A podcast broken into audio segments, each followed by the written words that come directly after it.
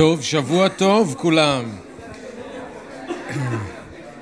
ממש טוב uh, לראות את כולכם ולשמוע אתכם מדברים אחד עם השני, ואנחנו, יהיה לנו עוד זמן לעשות את זה בסוף, אבל כמו תמיד זה כיף כשהבית מלא, וזה כיף לשמוע את הקולות של כולם, לראות אחד את השני פנים אל פנים, זה חלק חשוב מאוד מההליכה שלנו עם האדון, מהחיים שלנו עם האדון. זה שאנחנו מקבלים ונותנים חיים כשאנחנו נפגשים ביחד, כשהגוף בא ביחד, האיברים השונים מתחברים, אז זה תמיד טוב. יופי. אז אנחנו באיגרת יעקב, כמו שאתם יודעים, ואנחנו מתחילים היום את פרק ב'. היינו לא מעט זמן בפרק א', ואנחנו מתחילים בפרק ב'. אנחנו בפסוק אחד, קטע שהוא אה, ארוך יחסית למה שאנחנו התרגלנו אליו עד עכשיו, עד פסוק 13, 1 עד 13, זה בגלל שהכל עוסק באותו נושא, אז אנחנו רוצים לגשת לזה כיחידה אחת, אבל זה הופך את זה לקטע קצת יותר ארוך, וזה קטע שהוא לא במיוחד פשוט להבנה, אבל אנחנו אה, נצלול אל תוכו ואני בטוח שהאדון יברך אותנו תוך כדי. אה, השורה התחתונה היא לא מסובכת. אחי אל יהא בכם משוא פנים באמונת אדוננו ישוע המשיח אדון הכבוד. זאת השורה התחתונה של מה שיעקב רוצה להגיד. מה שהופך את זה לקצת יותר מורכב זה להבין את הטיעון שלו. הוא מנסה לתת להם את המוטיבציה, להניע אותם. למה שלא יהיה משוא פנים ביניכם? זה מה שהופך את זה לקצת יותר מורכב, אז אנחנו נדבר על זה. אמ, אבל זאת השורה התחתונה של מה שהוא רוצה להגיד. עכשיו אנחנו דיברנו על זה פעם שעברה שאנחנו עברנו אל הנושא העיקרי ש... או המסר העיקרי של מה שיעקב רוצה להגיד בכל האיגרת וזה היו עושי הדבר. לא רק שומעים אלא היו עושי הדבר. זה האתגר ודיברנו על זה שבוע שעבר. עכשיו הוא מתחיל לרדת קצת ברזולוציה לדברים ספציפיים בתוך הקהילה. היו כל מיני סיטואציות בתוך הקהילה שהוא עודד אותם לעשות את הדבר, לא רק לשמוע. אז זה הדבר הראשון שאנחנו רואים שהוא נוגע בו, זה משוא פנים. לתת יחס מועדף למישהו מסיבה לא מוצדקת, יחס טוב, יחס שלילי, אבל הסיבה היא לא מוצדקת, אנחנו נדבר על זה. אבל זה משהו שהיה שם, ביניהם. אוקיי, אני קורא, אחי, אל יהא בכם משוא פנים באמונת אדוננו ישוע המשיח, אדון הכבוד. אם יבוא איש לבית הכנסת שלכם וטבעת זהב על ידו ולבושו הדור, ובא גם איש עני, לבוש בגדים בלים, והנה פונים אתם על האיש אשר לבושו הדור ואומרים שב לך פה בטוב, אבל לעני אתם אומרים עמוד שם, או שב מתחת להדום רגלי. האם אינכם מפלים בקרבכם בין איש לאיש והופכים להיות שופטים בעלי מחשבות רשע? שמעו אחי אהוביי, הלא בעניי העולם הזה בחר אלוהים להיות עשירי אמונה ויורשי המלכות שהבטיח לאוהביו, ואתם ביזיתם את העני. הלא העשירים מדכאים אתכם וסוחבים אתכם לבתי משפט, הלא הם המגדפים את השם הטוב הנקרא עליכם. אם באמת מקיימים אתם את תורת המלכות ככתוב ואהבת לרעך כמוך, אזי היטבתם לעשות. אבל אם אתם נוהגים במשוא פנים, חוטאים אתם, והתורה תאשימכם כעוברי עבירה. הרי מי שמקיים את כל התורה ונכשל בדבר אחד, אשם הוא בכל. שכן האומר לא תנאף, אמר גם לא תרצח, ואם אינך נואף אבל רוצח, עובר אתה על מצוות התורה. דברו ועשו מעשיכם, כאנשים העתידים להישפט על פי תורה של חירות. אין רחמים בדין למי שלא נהג ברחמים. הרחמים מתנשאים על הדין. אבינו שבשמיים אנחנו מודים לך על דברך ואנחנו מודים לך שדברך ממשיך כראי לשקף לנו את האמת לגבי עצמנו, לגבי הקהילה, ממשיך לאתגר אותנו איפה הדברים שצריכים עוד להשתנות, איפה אנחנו צריכים לגדול, איפה הדברים שאנחנו צריכים להסיר, איפה שהדברים שאנחנו צריכים להוסיף. מה בנו שונה מישוע עדיין? מה צריך להשתנות? אנחנו מבקשים שדברך יהיה חי בשבילנו, אנחנו מבקשים שדברך יהיה בהיר ומובן לנו, ואנחנו מבקשים בסופו של דבר שהדבר שלך יפעל בנו כדי שנשתנה, כדי שניישם, כדי שנחיה בדרך שהיא רצויה לפניך. אז אנחנו מבקשים שאתה תעזור לנו לפתוח, אדון, את דברך ולקבל את האור שיש בדברך, כמו שכתוב, פתח דברך יאיר, מבין פתאים. אז אנחנו רוצים שדברך יהיה פתוח לפנינו ויאיר לנו, כדי שנבין, כדי שנשתנה. אז ברך אותנו, אנחנו מבקשים בשם ישוע. אמן. אז אני חושב שרובנו, כשאנחנו קוראים את הקטע הזה, הנטייה שלנו היא בטח מיד להסכים עם יעקב ולהזדעזע שככה מאמינים העיזו להתנהג. אתה בוא שב לך בטוב, אתה לך עמוד שם, שב מתחת לאדום רגלי, נורא. וזה עוד קורה בתוך הקהילה, זה עוד קורה בין מאמינים. אסור שזה יהיה. אז זה נכון שזה נורא ואסור שזה יהיה, אבל רגע לפני שאנחנו ממהרים להזדעזע ממה שהם עשו, אני רוצה שאנחנו נחשוב רגע על הלב שלנו, על ההתנהגות שלנו כלפי אחים ואחיות במשיח. אולי זה לא עניים ועשירים, אבל אולי יש אנשים שהייתי מעדיף שלא ייכנסו לקהילה. ואם הם כבר נכנסו, אז שלא ישבו דווקא לידי. אולי בסתר הלב הייתי מעדיף שהם יעמדו שם בפינה איפשהו ולא יבלטו יותר מדי. אולי יש אנשים אחרים שדווקא מאוד הייתי רוצה שייכנסו לקהילה, ואם הם כבר נכנסו, אז שישבו לידי. ואם הם כבר יושבים לידי, אז שזה יהיה מקדימה, שכולם ישימו לב שאני יושב לידם.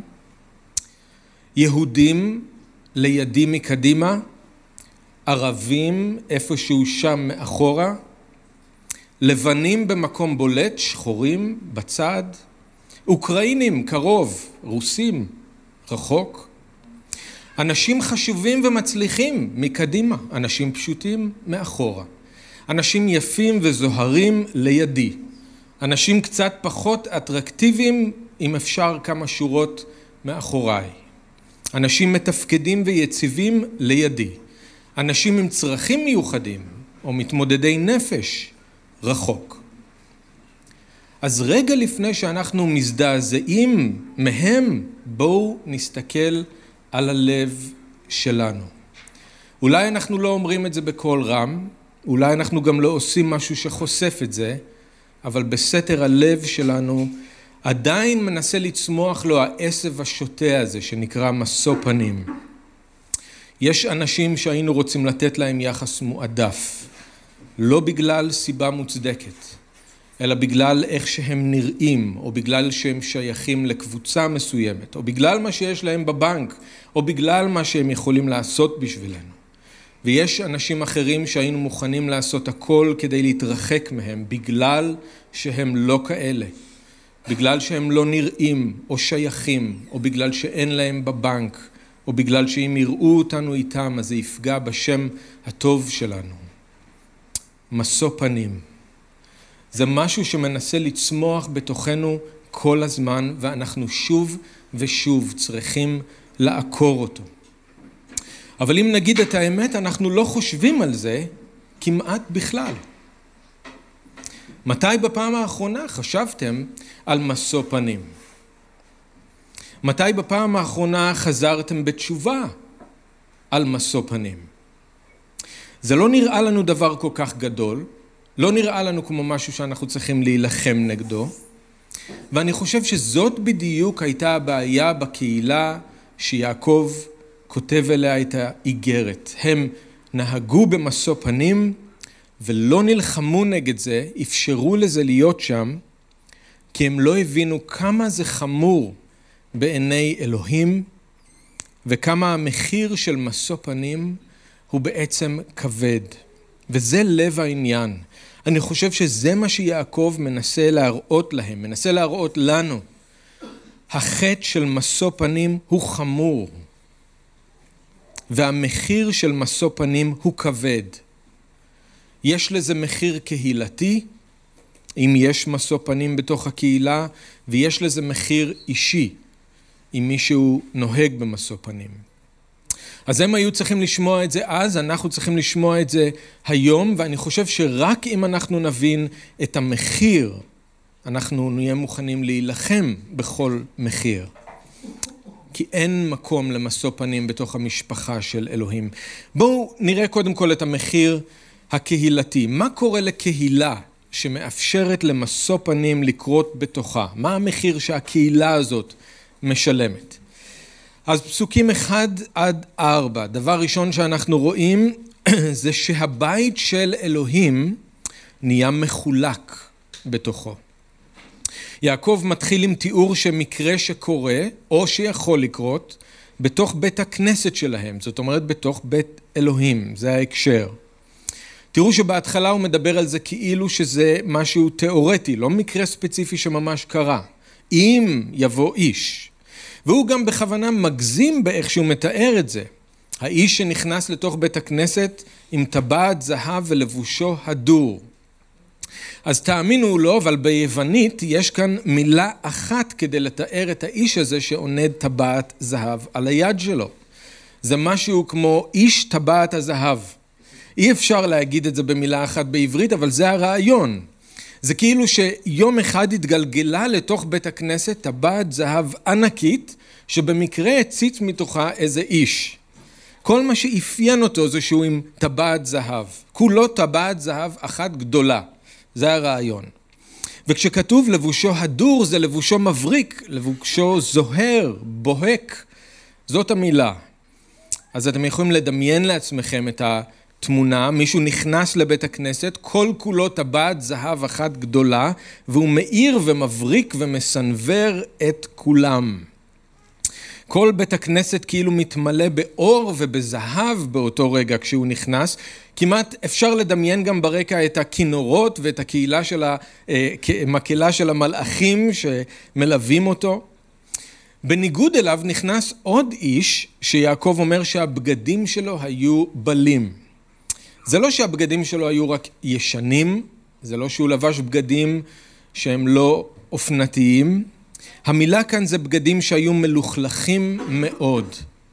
האיש שנכנס הוא איש מטונף ומלוכלך שבא ישר מהרחוב וכשהוא נכנס אז הרחוב נכנס איתו. אז באותו יום נכנסו לבית הכנסת שני אנשים, איש טבעת הזהב ואיש הטינופת.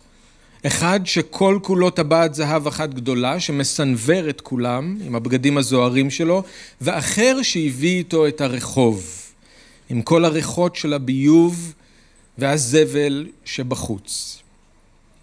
יעקב בכוונה מצייר תמונה שהיא מוגזמת.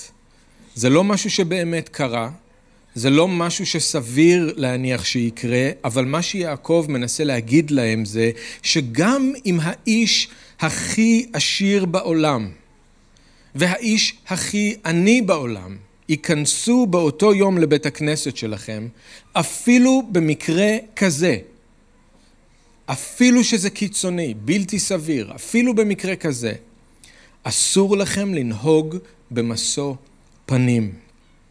ואם לא במקרה כזה, אז לא בשום מקרה. זה אף פעם לא מוצדק. זאת אומרת שאם שבת אחת ייכנס לכאן, לכרם אל, אילון מאסק, וייכנס יחד איתו גם אחד מדרי הרחוב שמקבצים נדבות, יעקב מזהיר אותנו שגם במקרה כזה, אפילו שזה אילון מאסק, זה עדיין לא מוצדק לתת לו יחס מועדף, גם אם זה מה שהוא מצפה לקבל וגם אם זה מה שהיינו רוצים לתת לו. זה לא משנה כמה האיש עשיר, אין הצדקה לתת לו יחס יותר טוב מלאחרים. וזה לא משנה כמה האיש עני, זה אף פעם לא מוצדק לתת לו יחס משפיל. יעקב בכוונה מגזים כאן, כי הוא יודע שהם חושבים, ואולי גם אנחנו חושבים, שיש מקרים שאולי בהם זה כן מוצדק. בכל זאת, זה אילון מאסק. איש טבעת הזהב, וזה איש טינופת מהרחוב. אתה יודע כמה כסף אילון מאסק יכול לתרום? אתה יודע כמה השפעה יש לו ואיך הוא יכול לעזור לנו? צריך לפנק אותו כשהוא בא, צריך לתת לו יחס מיוחד, יכול לצאת לנו משהו מזה. זה לא מוצדק גם אם האיש הכי עשיר בעולם בא לקהילה, איש טבעת הזהב. זה אף פעם לא מוצדק. ותראו בפסוק ארבע, מה יעקב אומר שקורא לקהילה שמתנהגת במשוא פנים? האם אינכם מפלים בקרבכם בין איש לאיש והופכים להיות שופטים בעלי מחשבות רשע? האם אינכם מפלים בקרבכם בין איש לאיש? האם אתם לא בונים מחדש מחיצות שישוע כבר הרס? האם אתם לא גורמים לבית של אלוהים להיות שוב בית מחולק?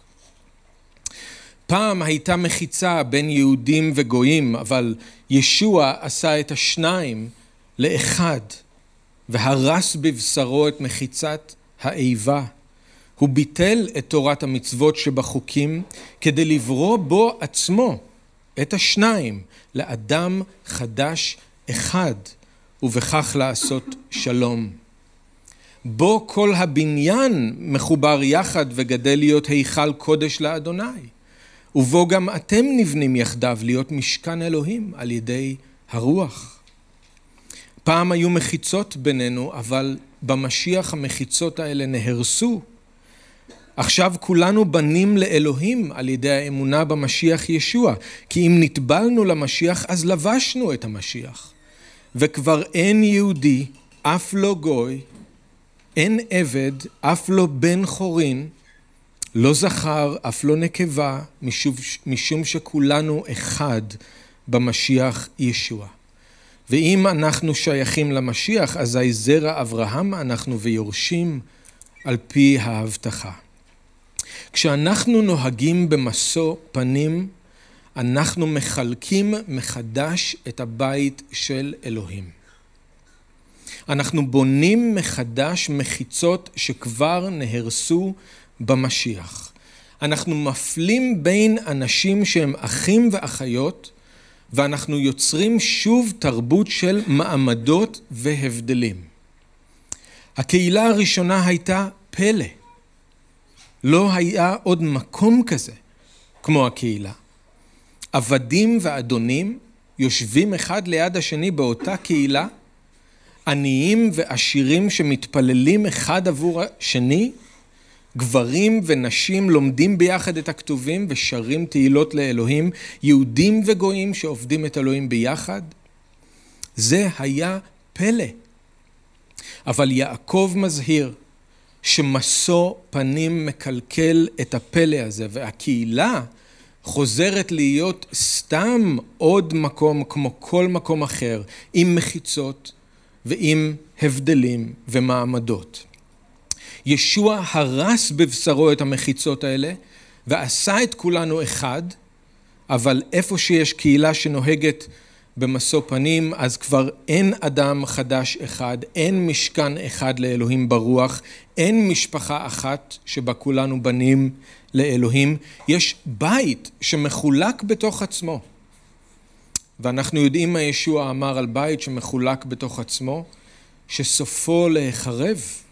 הוא לא יכול להחזיק מעמד. אז המחיר של משוא פנים בתוך הקהילה זה שהבית נעשה מחולק, אבל לא רק זה, הבית נעשה גם מבולבל. תראו בפסוקים חמש עד שבע.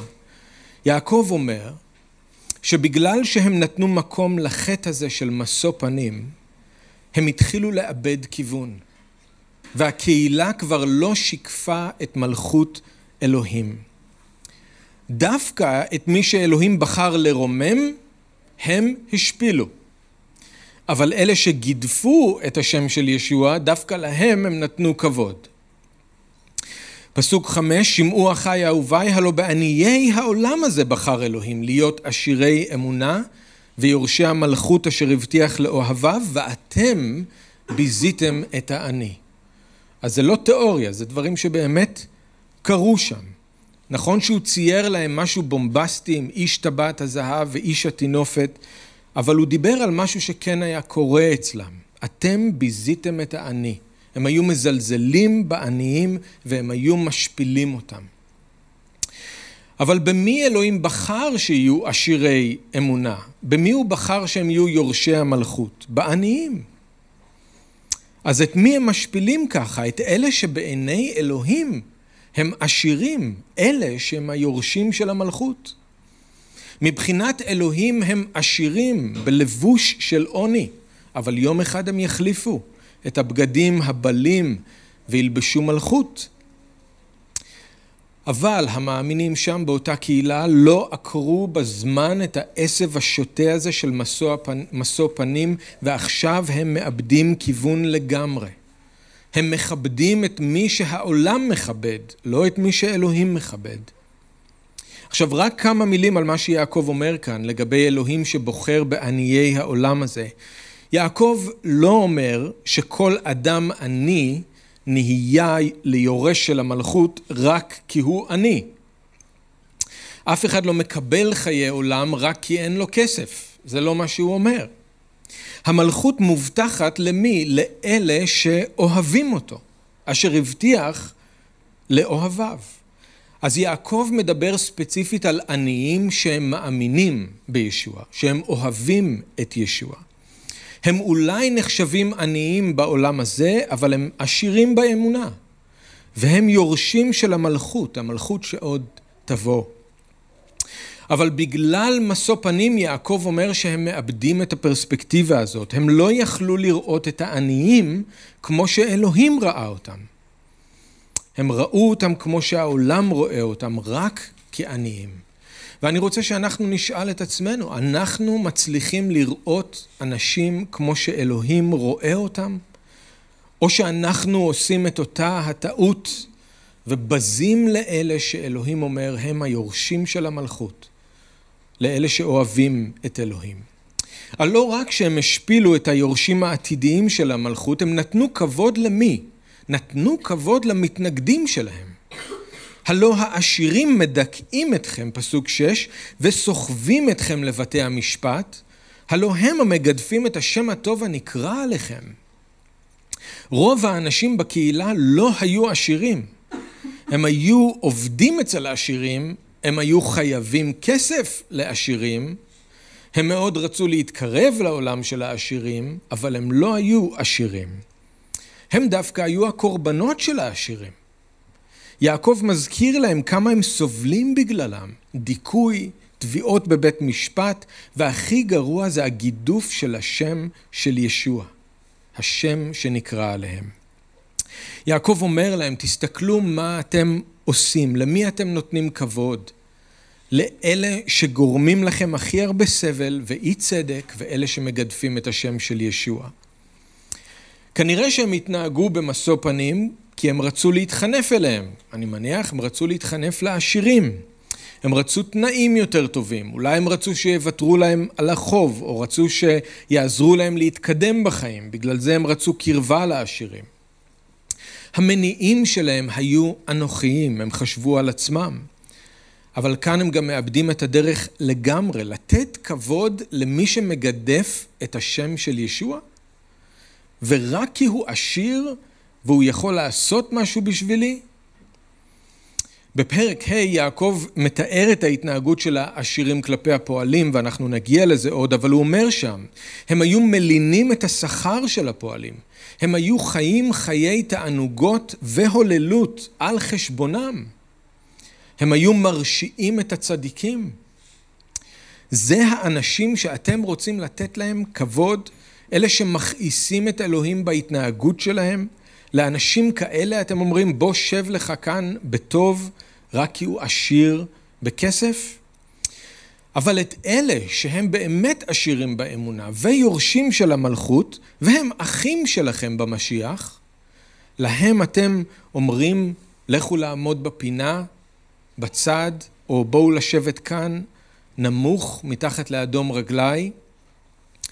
המלכות של אלוהים בקהילה כזאת נעלמה. אי אפשר כבר לראות שם את האדון. ישוע בכוונה בא והפך את הכל. מי שרוצה להיות ראשון, יהיה אחרון לכל, ומשרת לכל. כל המרומם את עצמו יושפל, והמשפיל את עצמו ירומם. אבל הם הפכו את הכל בחזרה. קהילה שיש בה תרבות של משוא פנים, וזה לא משנה אם זה עניים או עשירים, יהודים, גויים או כל דבר אחר. קהילה כזאת הפסיקה לשקף את מלכות האלוהים ואת הלב של האדון, והיא איבדה את הדרך לגמרי. תקשיבו למה שג'ון פיליפס אומר, ותחשבו כמה קהילה כזאת התרחקה מהדרך של האדון. צבע עור של אדם, או היתרה שלו בבנק, או מספר התארים שיש לו, או המקום שהוא תופס בחברה, לא מרשימים את אלוהים בכלל. האדון ישוע היה מנומס לאישה ליד הבאר, כפי שהוא היה מנומס כלפי נקדימון. הוא היה נדיב לאישה שנגעה בכנף בגדו, כמו שהוא היה כלפי יאיר, ראש בית הכנסת. הוא היה פתוח לקבל אליו את ברטימאוס, העני והעיוור, בדיוק כמו שהוא קיבל אליו את האיש העשיר, שהיו לו הרבה נכסים. הוא לא נשא פנים לאיש, הוא היה ישר וישיר עם האישה הסורית פיניקית, כמו שהוא היה עם פילטוס. הוא התייחס לכולם באותה אהבה, באותו עניין, באותה אכפתיות ודאגה. אין משוא פנים עם האדון. ואם אנחנו רוצים להיות כמוהו, אסור שיהיה משוא פנים אצלנו. אז שתי סכנות שאורבות לקהילה, זה המחיר הקהילתי של משוא פנים. הבית של אלוהים נהיה מחולק, המחיצות הישנות נבנות שוב, ואין את האחדות שהאדון רוצה שתהיה בינינו. וגם הבית של אלוהים נהיה מבולבל, כבר אי אפשר לראות את הדרך של האדון במקום כזה. אי אפשר לטעום את המלכות, זה נראה, זה מרגיש, זה מריח כמו העולם. חוץ מהמחיר הקהילתי, פסוקים 8 עד 13, שאר הקטע, יעקב שמה שם את האצבע על המחיר האישי. אולי בקהילה יש תרבות של משוא פנים, אולי לא, אבל בסופו של דבר כל אחד מאיתנו צריך לתת דין וחשבון על עצמו לפני אלוהים. האם נהגנו במשוא פנים או לא? אני לא יודע אם שמתם לב כשקראנו את הקטע הזה בהתחלה, פסוקים 8 עד 13, המילה תורה פתאום מככבת בפסוקים האלה. תורת המלכות, התורה תאשימכם, מי שמקיים את כל התורה, מצוות התורה, תורה של חירות, פתאום. הסיבה שהמילה מככבת כאן זה כי סביר להניח שהיא כיכבה גם שם, בבית כנסת. כמו שאמרנו, זה יהודים מאמינים, מתאספים בבית כנסת, זה ההקשר. יעקב מכיר את העולם הזה טוב, זה גם העולם שלו. הוא יודע שכולם שם מדברים כל הזמן על התורה ועל המצוות של התורה ולקיים את התורה, אז הוא מדבר איתם בשפה שלהם, בשפה שלו. והוא אומר להם, אוקיי, אז בואו נדבר על מה שאתם עושים ועל התורה. בתורה יש איסור על משוא פנים, אבל זה היה רק בהקשר של משפט. רק בהקשר של משפט. בספר ויקרא, פרק י"ט, לא תעשו עוול במשפט, לא תישא פני דל ולא תהדר פני גדול, בצדק תשפוט עמיתך. גם בדברים א', לא תכירו פנים במשפט. להכיר פנים ולשאת פנים, אותו הדבר, משמעות קצת אחרת, אבל אותו הדבר. לא תכירו פנים במשפט, כקטון, כגדול תשמעון, לא תגורו מפני איש, כי המשפט לאלוהים הוא. וכתוב בדברי הימים י"ט, דברי הימים ב' י"ט, על אלוהים בעצמו, כתוב אין עם אדוני אלוהינו עוולה ומשוא פנים ומקח שוחד. אז גם על אלוהים בעצמו כתוב, אבל זה עדיין בהקשר של משפט. האיסור על משוא פנים או על היכר פנים זה תמיד היה בהקשר של משפט. אז מה שהם עשו עם העניים והעשירים בתוך הקהילה, זה לא היה נראה להם כמו חטא של משוא פנים. וכנראה שהם לא חשבו שזאת אולי עבירה על איזושהי מצווה של התורה בדיוק. זה מה שיעקב רוצה לתקן. אז הוא מראה להם שמשוא פנים זה חטא חמור מאוד נגד התורה. והמחיר האישי שהם עלולים לשלם על זה יכול להיות כבד. תראו בפסוק 4, לכת אחורה לפסוק 4 רגע, יעקב כבר אולי מכין את השטח למה שהוא רוצה להגיד להם, כי הוא אומר להם שכשהם מתנהגים ככה לעניים ולעשירים, הם הופכים להיות מה? שופטים בעלי מחשבות רשע. שופטים בעלי מחשבות רשע. משוא פנים זה חטא בהקשר של משפט. אז נכון שלא היה כאן משפט של ממש, רשמי, אבל יעקב רומז להם שהם כן ממקמים את עצמם כמו שופטים והם גוזרים את הדין. על העשיר הם גוזרים לשבת במקום טוב, על העני הם גוזרים לעמוד שם או לשבת מתחת לאדום רגלי, וזה לא מוצדק. זה רק כי הוא עני והוא עשיר. יעקב אומר להם שהם לא רק שופטים, כשהם עושים את זה, הם לא ממקמים את עצמם רק כשופטים, הם עושים את זה ממניעים של רוע, מחשבות רשע. אז הוא כבר מכין אותם לזה שהם כן עוברים על הציווי של משוא פנים. אבל כאן בפסוק שמונה הוא מאתגר אותם לגבי תורת המלכות. כן? התורה של המלך ישוע, לא התורה של משה. וזה מפתיע כי הוא מזהיר אותם על משוא פנים, מפתיע ולא מפתיע לאור מה שאמרנו, כי הוא מזהיר אותם על משוא פנים, אבל הוא לא מצטט אפילו פעם אחת את המצוות מהתורה שאוסרות על משוא פנים. הוא אומר להם, אם אתם באמת מקיימים, והמילה כאן זה לגמרי ממלאים, לא סתם מקיימים, לגמרי ממלאים. אם אתם ממלאים לגמרי את התורה של המלכות, זה אומר לאהוב את רעכם כמוכם, אתם רואים שהוא מדבר איתם כמאמינים בישוע, חיים תחת הברית החדשה והתורה של המשיח, זה התורה של המלכות, שם הוא מאתגר אותם. אתם יודעים שלקיים את תורת המלכות לגמרי, זה שכל אחד יאהב את רעהו כמוהו. ואם זה מה שאתם עושים אז מצוין. אבל אם אתם נוהגים במשוא פנים, אז אתם נותנים יחס מועדף לעשירים ויחס משפיל לעניים, וככה מפלים בין איש לאיש. אתם לא אוהבים את רעיכם כמוכם, ולכן אתם חוטאים והתורה תאשימכם כעוברי עבירה, כמשיגי גבול. זה כבד מאוד. הוא אומר להם והוא אומר לנו, כל אחד מאיתנו, מי שנושא פנים הוא חוטא. והתורה של המשיח, שמסתכמת בציווי ואהבת לרעך כמוך, התורה הזאת תאשים אותם, אותנו, כעוברי עבירה, כחוטאים. ולא רק זה, יעקב לא נותן להם או לנו לברוח, במקרה ובאותו רגע הם רוצים לשלוף מהכיס שלהם את הרשימה של כל המעשים הטובים שהם בדרך כלל עושים, כל המצוות שהם קיימו, ולפני שהם מספיקים להגיד ליעקב שזה לא הוגן ושהוא מגזים, כי מה זה קצת משוא פנים לעומת כל המעשים הטובים שאני עושה? יעקב אומר להם, זה לא עובד ככה. המעשים הטובים שלכם לא מכפרים על המעשים הרעים. כי אם קיימתם את כל התורה, אבל נכשלתם בדבר אחד, אתם אשמים בהכל. כי מי שאמר לא תנאף, אמר גם לא תרצח. ואם אתה לא נואף אבל כן רוצח, אתה עובר על מצוות התורה. מישהו אמר נכון שצריך רק כתם אחד כדי להרוס את כל הבגד. צריך רק תו אחד לא במקום כדי להרוס את כל השיר.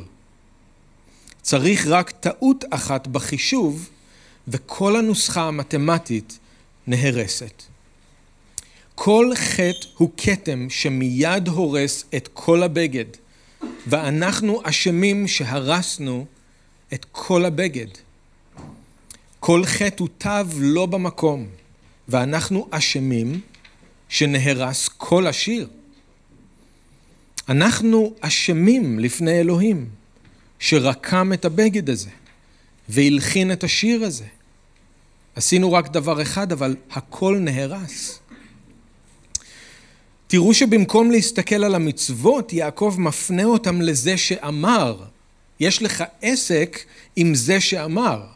אתה עדיין מסובך איתו. עם זה שנתן את התורה.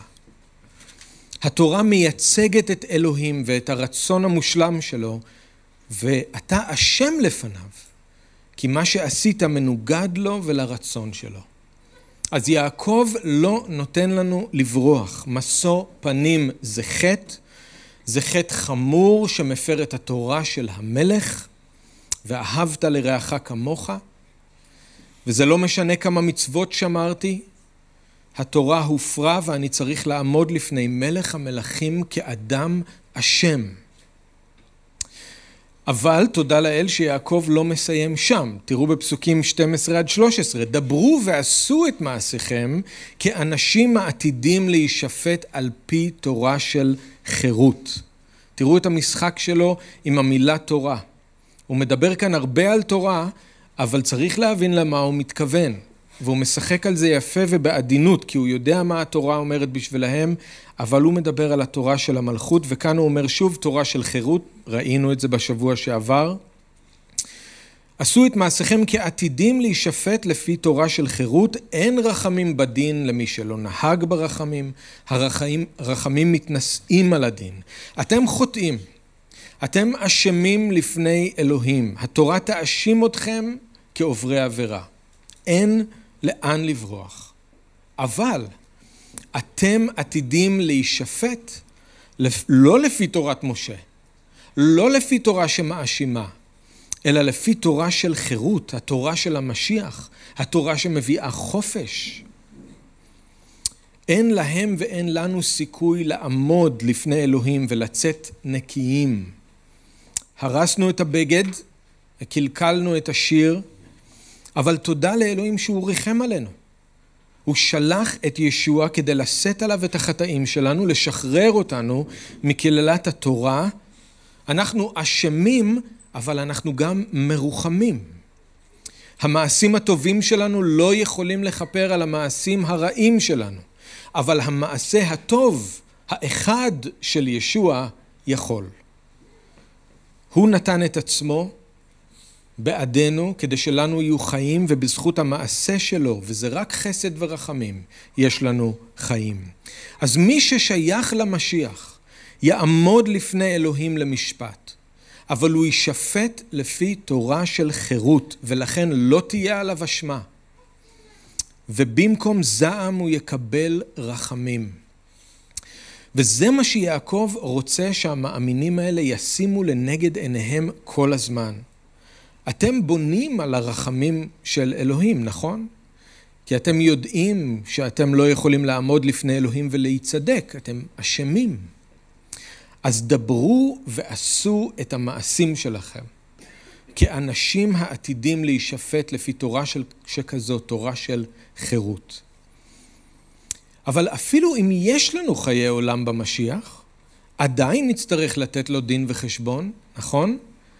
אנחנו עדיין רוצים שהוא ישפוט אותנו ברחמים, אנחנו עדיין רוצים שהרחמים יתנשאו על הדין.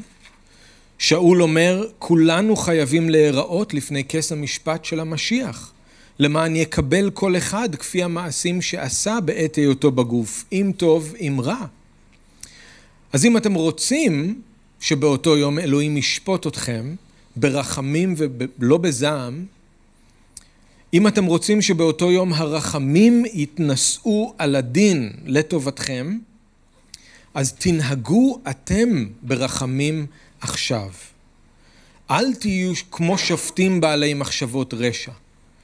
תנו לרחמים להתנשא על הדין. בואו נקשור את הקצוות האלה ביחד. כל הקטע הזה, כמו שאמרנו, השורה התחתונה היא פשוטה. אל יהא בכם משוא פנים. אבל כל הטיעונים האלה שיעקב מביא, הם לא פשוטים כל כך להבנה, אבל הוא ידע למי הוא מדבר, ובואו נקשור רגע את הקצוות ביחד. משוא פנים זה לא דבר קטן. מבחינת אלוהים. זה חטא שאסור שיהיה בתוכנו. אנחנו חייבים לראות את זה ככה. כשזה בתוך הקהילה, משוא פנים, כל הקהילה משלמת את המחיר. הבית של אלוהים הופך להיות מחולק, והבית של אלוהים הופך להיות מבולבל. אסור לנו לתת לתרבות הזאת של משוא פנים לצמוח בתוך הקהילה. כשזה בחיים שלנו, אז אנחנו משלמים את המחיר באופן אישי.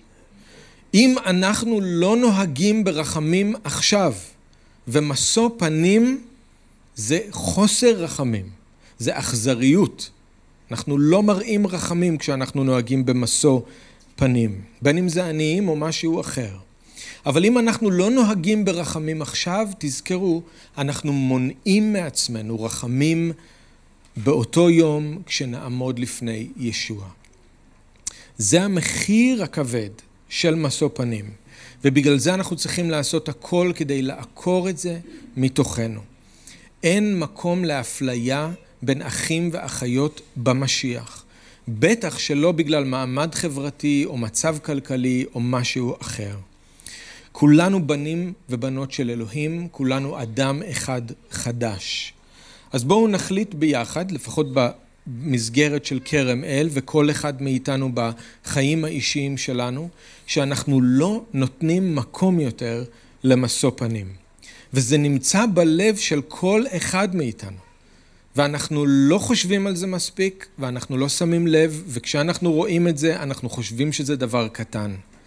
אז בואו נראה את זה איך שאלוהים רואה את זה, יחד עם החומרה של החטא והרחמים שאנחנו רוצים שיינתנו לנו ביום ההוא, ביום הדין, ובואו ניתן לזה להשליך על איך שאנחנו מתנהגים אחד עם השני עכשיו, שחס וחלילה לא נהיה שופטים בעלי מחשבות רשע, מחלקים ומבלבלים את הבית של אלוהים. ואני חושב שגם אתם אולי חושבים על, על, על ישוע בעצמו, אני חושב על ישוע כשאני חושב, אני חושב שישוע לא היה לו מקום, הוא בעצמו היה עני. אם הוא היה נכנס לקהילה כזאת, היו אומרים לו, לך עמוד שם, שב מתחת לאדום רגליי. ישוע בעצמו, וכמה מהנביאים וכמה מאנשי האלוהים הגדולים עניים, אבל אלוהים נתן להם כבוד. אז אנחנו צריכים לזכור את זה, אוקיי? זה חשוב, זה לא פשוט, אבל זה חשוב. אז בואו נתפלל ביחד, ואז אנחנו רוצים אה, לקחת ביחד את סעודת האדון. אבא יקר, אנחנו מודים לך שהדבר שלך בא לעשות סדר בחיים שלנו ובא לעשות סדר בקהילה. לא הקהילה שלנו, הקהילה שלך. סדר בתוך הבית. אנחנו מודים לך שיש לנו את המישור הזה, השווה, שכולנו עומדים עליו לפניך. אף אחד מאיתנו לא יותר חשוב מאף אחד אחר. אנחנו כולנו בנים ובנות שלך. ואנחנו מבקשים שבתוך כותלי הקהילה ובחיים האישיים שלנו, אבא, שתעקור מתוכנו את השורש הזה של משוא פנים, שלא יהיה קיים הדבר הזה בתוכנו. שנוכל לשקף באמת את מלכות האלוהים, שנוכל להתנהג כמו שאתה התנהגת לכל מי שהיה מסביבך. תנקה מהלב שלנו מניעים לא טהורים שגורמים לנו לרצות להיצמד לאנשים מסוימים ולהתרחק מאנשים אחרים. תן לנו להיות דומים לך. גם איתך אין משוא פנים, אז תן שגם איתנו לא יהיה משוא פנים בשם ישוע. אמן.